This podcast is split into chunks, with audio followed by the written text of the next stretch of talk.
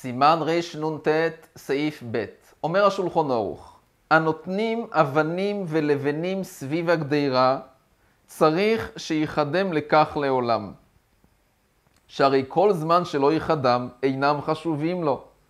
אבנים באופן עקרוני הם נחשבים למוקצה. מוקצה מחמס גופוי, אין מה לעשות בהם, זה לא כלי, זה שום דבר.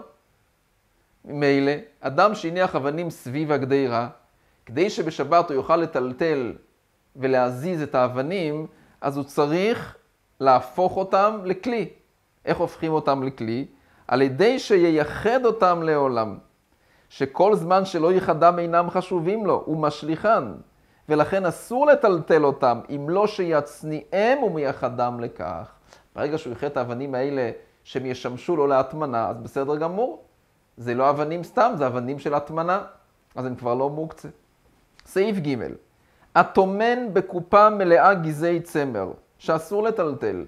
יש גזעי צמר שאסור לטלטל אותם, כמו שלמדנו בשיעור הקודם, בשולחון אורך לעיל בסעיף א', שגזעי צמר שמיועדים לסחורה, הם נחשבים למוקצה. מוקצה מחמס, חסרוין כיס, אז אסור לטלטל אותם. הטומן בקופה מלאה גזעי צמר, שאסור לטלטל, והוציא הגדירה. אז מה עכשיו יש? הגדרה הייתה תמונה בתוך גזעי צמר. עכשיו הוא שלף את הגדרה מהקופה, יש שם גומה, יש שם חלל. במקום שה... שהגדרה הייתה בו. כל זמן שלא נתקלקלה הגומה, יכול להחזירה. הוא יכול להחזיר את הגדרה לתוך הקופה שהיא הייתה, לתוך הגומה. למלות את הגומה בגדרה. ואם נתקלקלה, לא יחזירנה. למה אם נתקלקלה לא יחזירנה?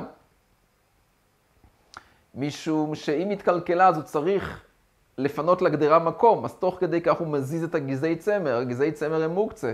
אסור להזיז את הגזעי צמר, אסור לטלטל אותם. ואפילו לכתחילה יכול להוציא על דעת להחזירה אם לא תתקלקל.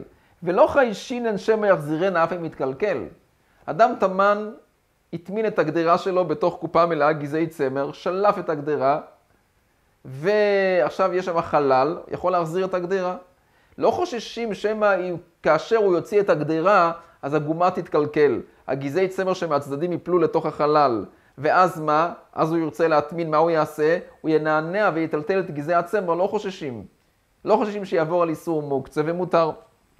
ויש אומרים שאפילו טמן בדבר שמותר לטלטל, אם נתקלקל הגומה לא יחזיר, מפני שתצטרך הגדרה לעשות לעצמה מקום כשמחזירה, ונמצא כי מי שטומן בשבת.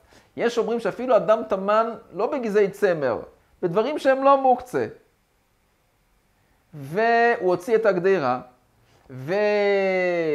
והדבר שהוא טמן בו נפל לתוך החלל שהגומה הייתה בו, אז עכשיו הוא צריך לפנות מקום חדש לגדרה.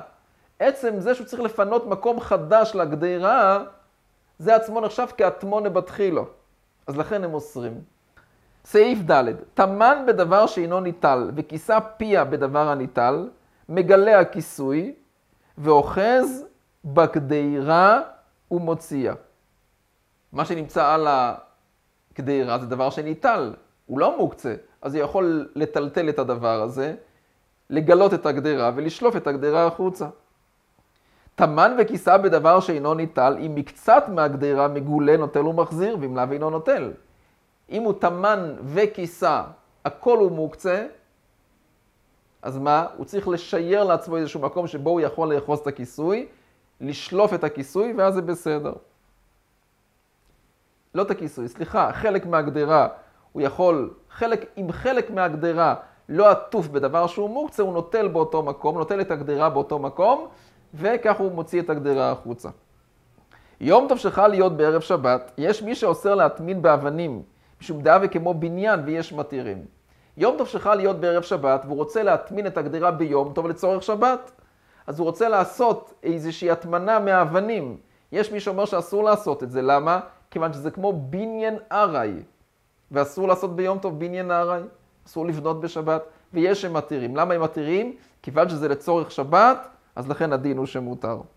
משום כבוד שבת לא גזרו, כך מסביר המשנה ברורה.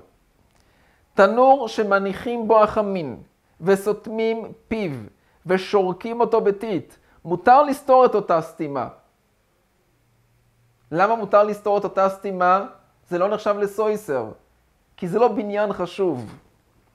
כי זה לא נעשה לקיום כלל, כך אומר המשתבורה, לא נעשה בכלל לקיום, אז לכן אין בזה משום סויסר, מותר לסתור את הטיט. מותר לסתור את אותה סתימה כדי להוציא החמין ולחזור ולסותמו. ואם יש בו גחלים לוחשות, מותר על ידי אינו יהודי לסתום חזרה את התנור, כי על ידי שהוא סותם את התנור הוא מכבה את הגחלים, ככה מסביר המשנה ברורה. ויש מחמירים שלא לסתור סתימת התנור עטוח ביתית על ידי ישראל, אם אפשר לעשות על ידי אינו יהודי, וכן אם אפשר לעשותו על ידי ישראל קטן, לא יעשה על ידי ישראל גדול, כי הם חוששים שיש בזה משום סויסר. אז לכן אם אפשר לעשות על ידי גוי, על ידי ישראל קטן, עדיף שיעשה את זה על ידיהם, ושלא יעשה זאת ישראל.